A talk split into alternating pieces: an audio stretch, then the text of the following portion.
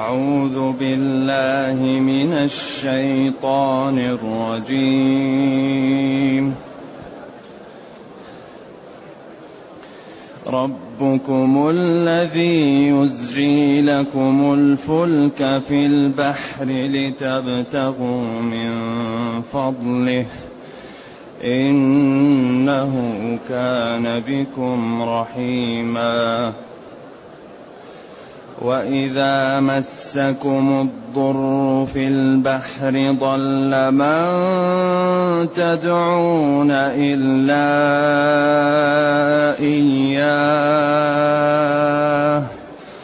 فلما نجاكم إلى البر اعرضتم فلما نجاكم إلى البر اعرضتم أَشْرَكْتُمْ وَكَانَ الْإِنسَانُ كَفُورًا أَفَأَمِنْتُمْ أَنْ يَخْسِفَ بِكُمْ جَانِبَ الْبَرِّ أَوْ يُرْسِلَ عَلَيْكُمْ حَاصِبًا أو يرسل عليكم حاصبا ثم لا تجدوا لكم وكيلا. أم أمنتم أن يعيدكم فيه تارة أخرى؟ فيرسل عليكم قاصفا من الريح فيغرقكم بما كفرتم ثم لا تجدوا لكم علينا به تبيعا ولقد كرمنا بني آدم وحملناهم في البر والبحر وحملناهم في البر والبحر ورزقناهم من الطيبات ورزقناهم من الطيبات الطيبات وفضلناهم وفضلناهم على كثير ممن خلقنا تفضيلا. الحمد لله الذي أنزل إلينا أشمل كتاب وأرسل إلينا أفضل الرسل وجعلنا خير أمة خرجت للناس. فله الحمد وله الشكر على هذه النعم العظيمة. والآلاء الجسيمة والصلاة والسلام على خير خلق الله وعلى آله وأصحابه ومن اهتدى بهداه. ما بعد فإن الله تعالى يمتن على خلقه بالنعم الكثيرة التي حباهم بها مما مكن لهم ومما أعطاهم ومما شرفهم به ومما فضلهم به على خلقه. ربكم الذي يزجي لكم الفلك في البحر لتبتغوا من فضله. إنه كان بكم رحيما. ربكم مدبر أموركم ومنشئكم وخالقكم ورازقكم وهو الذي يدفع عنكم ويعطيكم. ربكم الذي يزجي لكم الفلك في البحر. أزجاها إذا هيأها وجعلها تقوم بما تريدونه في البحار بحيث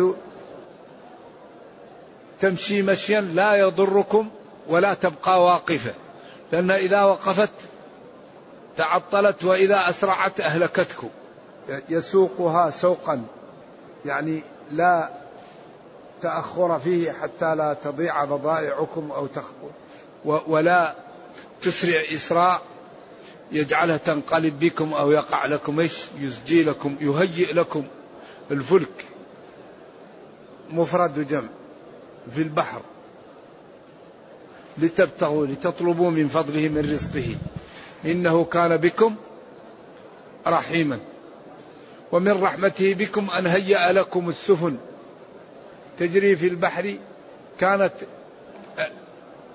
في الزمن الأول إذا لم تأتي الرياح تقف السفينة.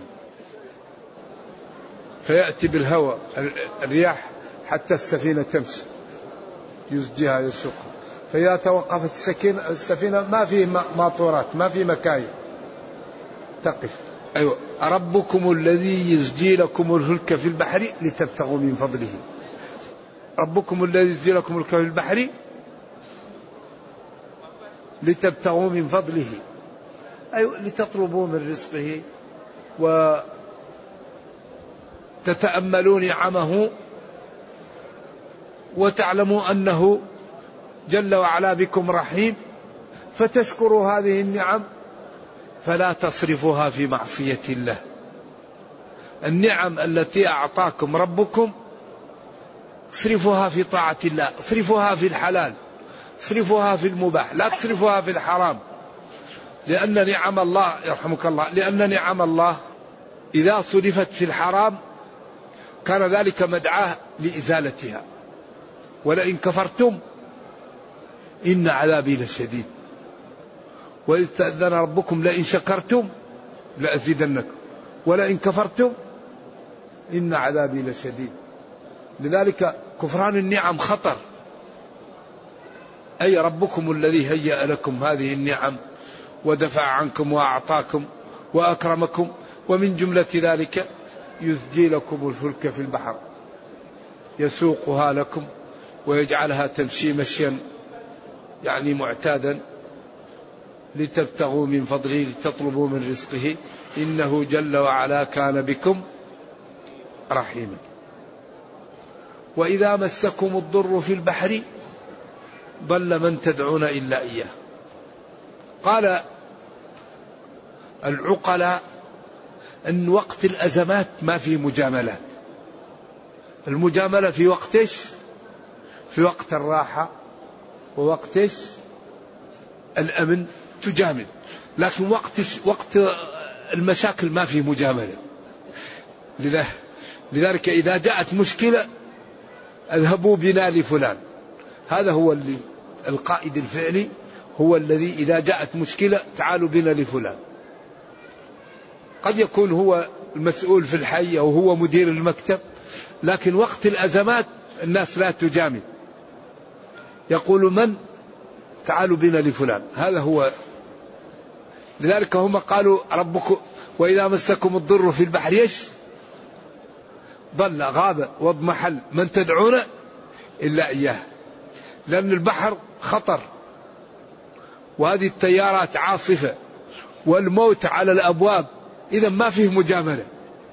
ما فيه أصنام ولا فيه أولياء ولا فيه آلهة تعبد. لا. ضل من تدعون إلا إياه.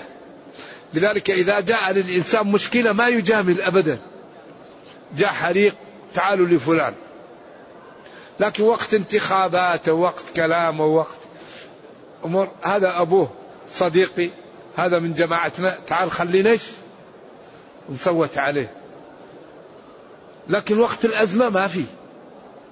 جاءت أزمة ما في مش... ما في ما, ما فيه مجاملة. إذا إذا جاء الجد لا ربكم. فإذا جاء الجد خلاص. ضل من تدعون إلا إياه. إذا وإذا مسكم الضر في البحر الضر يعني المياه العاتية أو توقف الهواء أو تعط يعني تكسر السفينة. وقعت لكم مشكلة مسكم الضر. إما لمياه أو لوقوف الهواء أو لتكسر المركب اللي أنتم عليه. ضل غاب. من تدعون إلا إياه إلا الله. لذلك وقت الأزمات ما في مجاملة لا بد الواحد يأتي بالحق. لذلك هنا كانوا يعني يجاملوا الأصنام ويقولون لبيك لا شريك لك إلا شريكا هو لك تملكه وما ملك. هو هذا صغير يعني يعمل لنا أشياء لكن قليلة لكن الأشياء الكبيرة لا هذه لله. والذي يعمل الكبير يعمل الصغير. فلما نجاكم إلى البر أعرضتم. لما سلمت السفينة وجاءت للساحل رجعوا للكفر ولدعاء غير الله وللمعاصي. وكان الإنسان كفورا صيغة مبالغة. كان الإنسان كثير الكفر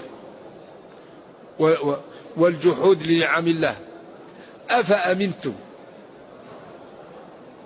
أما تذكرتم؟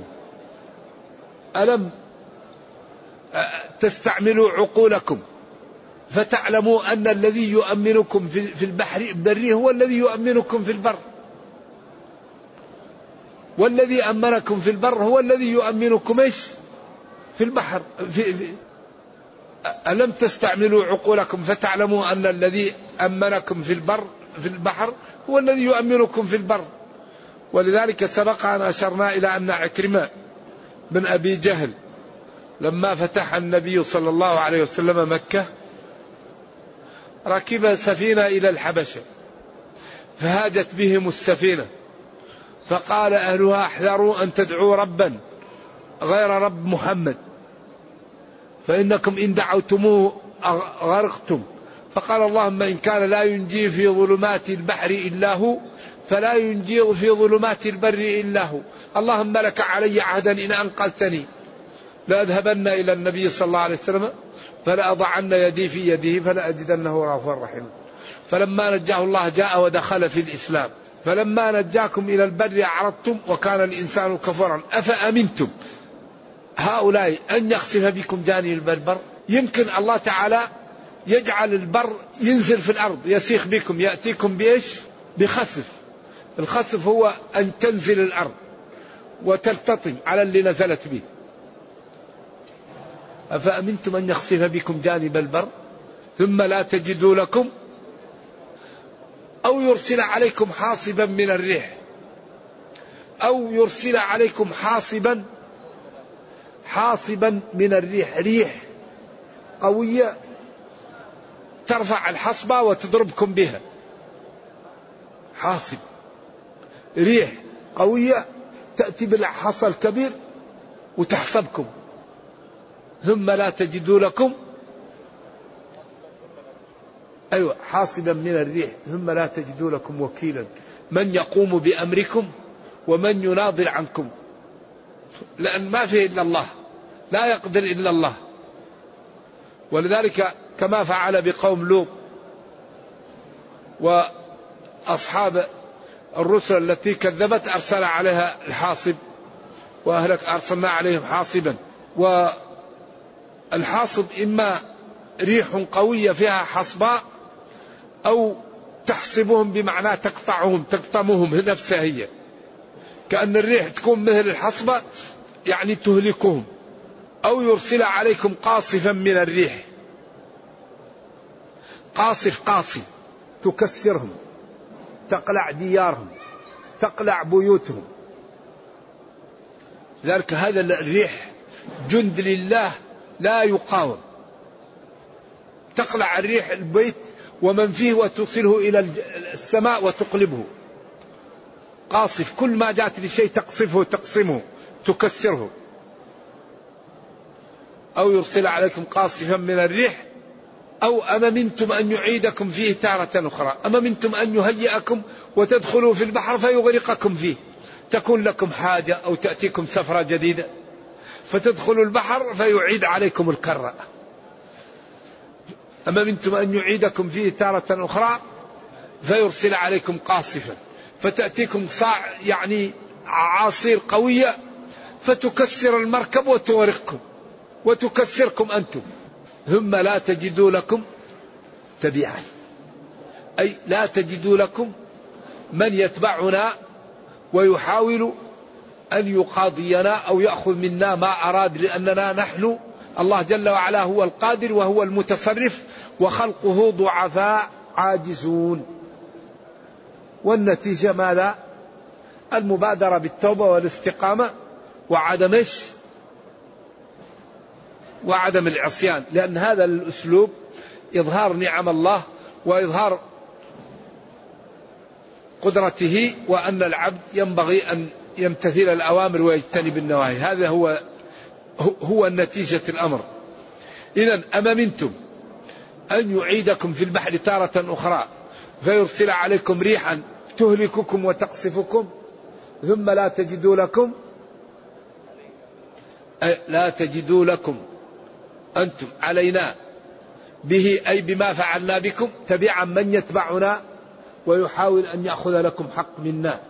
لن يقال تبع فلان بفعله إذا قاضاه به أو حاول أن يأخذ منه ما فعل أو يقاضيه أو يعاقبه عليه. ثم لا تجدوا لكم من يقوم لكم علينا بشيء. لأن الله لا راد لقضائه ولا معقب لحكمه وأمره إذا أراد شيئا أن يقول له كن فيكون. إذا هذه الآيات تبين نعم الله على خلقه وما أسدى لهم وما دفع عنهم من النقم فحري بهم أن يشكروه ويطيعوه ولا يعصوه.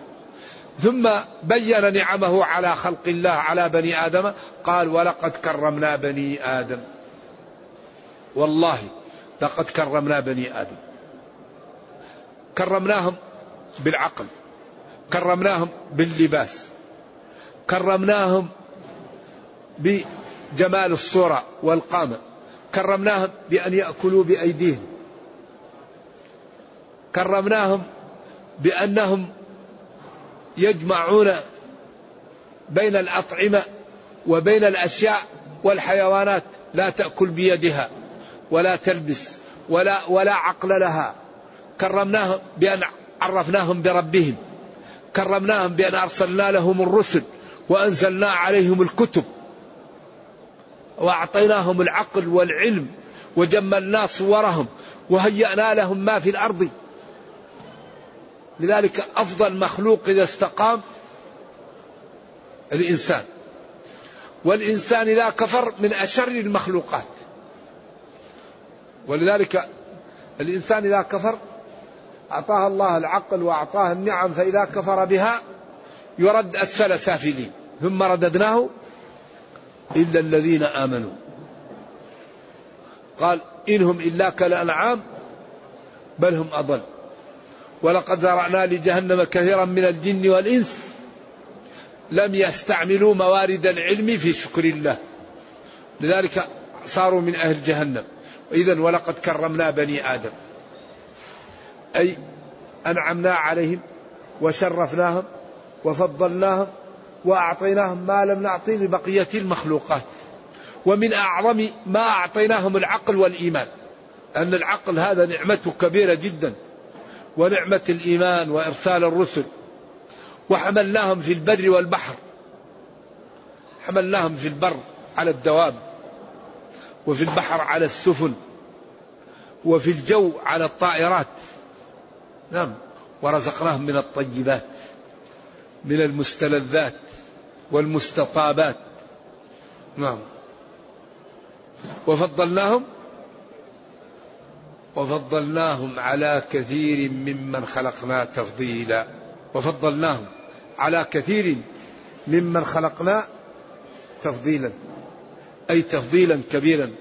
ممن خلقنا من الأنعام ومن الوحوش ومن الأسود ومن الخنافس ومن أنواع المخلوقات.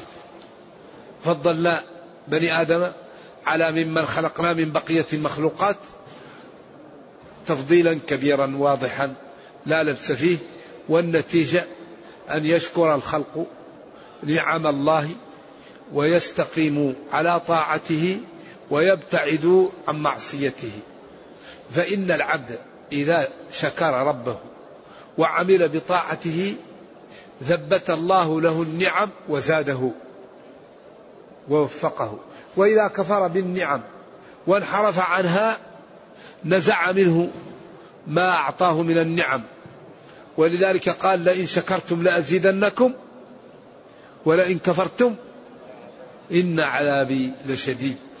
وهذه الآيات الحقيقة هي بيان لنعم الله تعالى على خلقه من تهيئة السفن ومن تفضيلهم ومن تشريفهم ومن الإنعام عليهم فحري بخلق الله أن يشكروا نعم الله. وما أرادوه أعطاه الله لهم لأن العبد إذا شكر ربه أصلح له دنياه وأخراه. وأي شيء أعظم من أن تصلح للعبد دنياه وأخراه. لذلك ينبغي لنا أن نكابد الطاعات كما نكابد أموالنا وأولادنا ونتعب في ذلك ينبغي أن نتعب في ديننا كما نتعب لأموالنا وأنفسنا. فإن الله تعالى يقول إنما أموالكم وأولادكم فتنة. والله عنده أجر عظيم. إذا هذه نعم عظيمة وآلاء جسيمة ينبغي لنا أن نشكرها وأن نعمل بمقتضاها وأن نعلم أن ربنا كريم ولا يضيع أجر من أحسن عملا. هذا من النعم عمل لنا. فإذا أطعناه أدخلنا الجنة وحمانا من النار. ولقد كرمنا بني آدم وحملناهم في البر والبحر ورزقناهم من الطيبات وفضلناهم على كثير ممن خلقنا تفضيلا. لكن الآيات القادمة فيها نتائج هذا التفضيل وعواقبه. عواقب من تدبر الأمر وعمل به وعاقب من لم يبال به فإن النتيجة هو أن كل إنسان سيجازى بعمله فمن أطاع فله السعادة ومن عصي وعصى ربه فله الشقاوة وهذا يتكرر في كتابنا حتى يكون كل واحد منا على بصيرة من أمره. هذا الذي يتكرر في القرآن لننتبه ونطيع ربنا ونعمل بشرعه ونترك الحرام لأن الحرام يمحق ويحرق. الحرام يمحق ويحرق. والطاعة تسعد وتنجي. الطاعة تسعد الإنسان في الدنيا وتنجيه في الأخرى. والمعاصي تمحق ما عندك من المال ومن السمعة ومن الحسنات ومن الخير وتحرقك يوم القيامة. لذلك لا يوجد شيء أضر من المعاصي. تمحق وتحرق والحسنات تسعد وتنجي بإذن الله تعالى. فحري بنا أن نعطي وقتا لكتاب ربنا حتى نعلم ما الواجب فنمتثل. ما الحرام فنتجنب؟ فإذا فعلنا ذلك ما أردناه أعطاه لنا ربنا وحمانا ووفقنا ودمر الله أعداءنا. إذا استقمنا الله يدمر أعداءنا. من عادى لي وليا فقد آذنته بالحرب. نرجو الله جل وعلا أن يرينا الحق حقا ويرزقنا اتباعه وأن يرينا الباطل باطلا ويرزقنا اجتنابه. وأن لا يجعل الأمر ملتبسا علينا فنضل.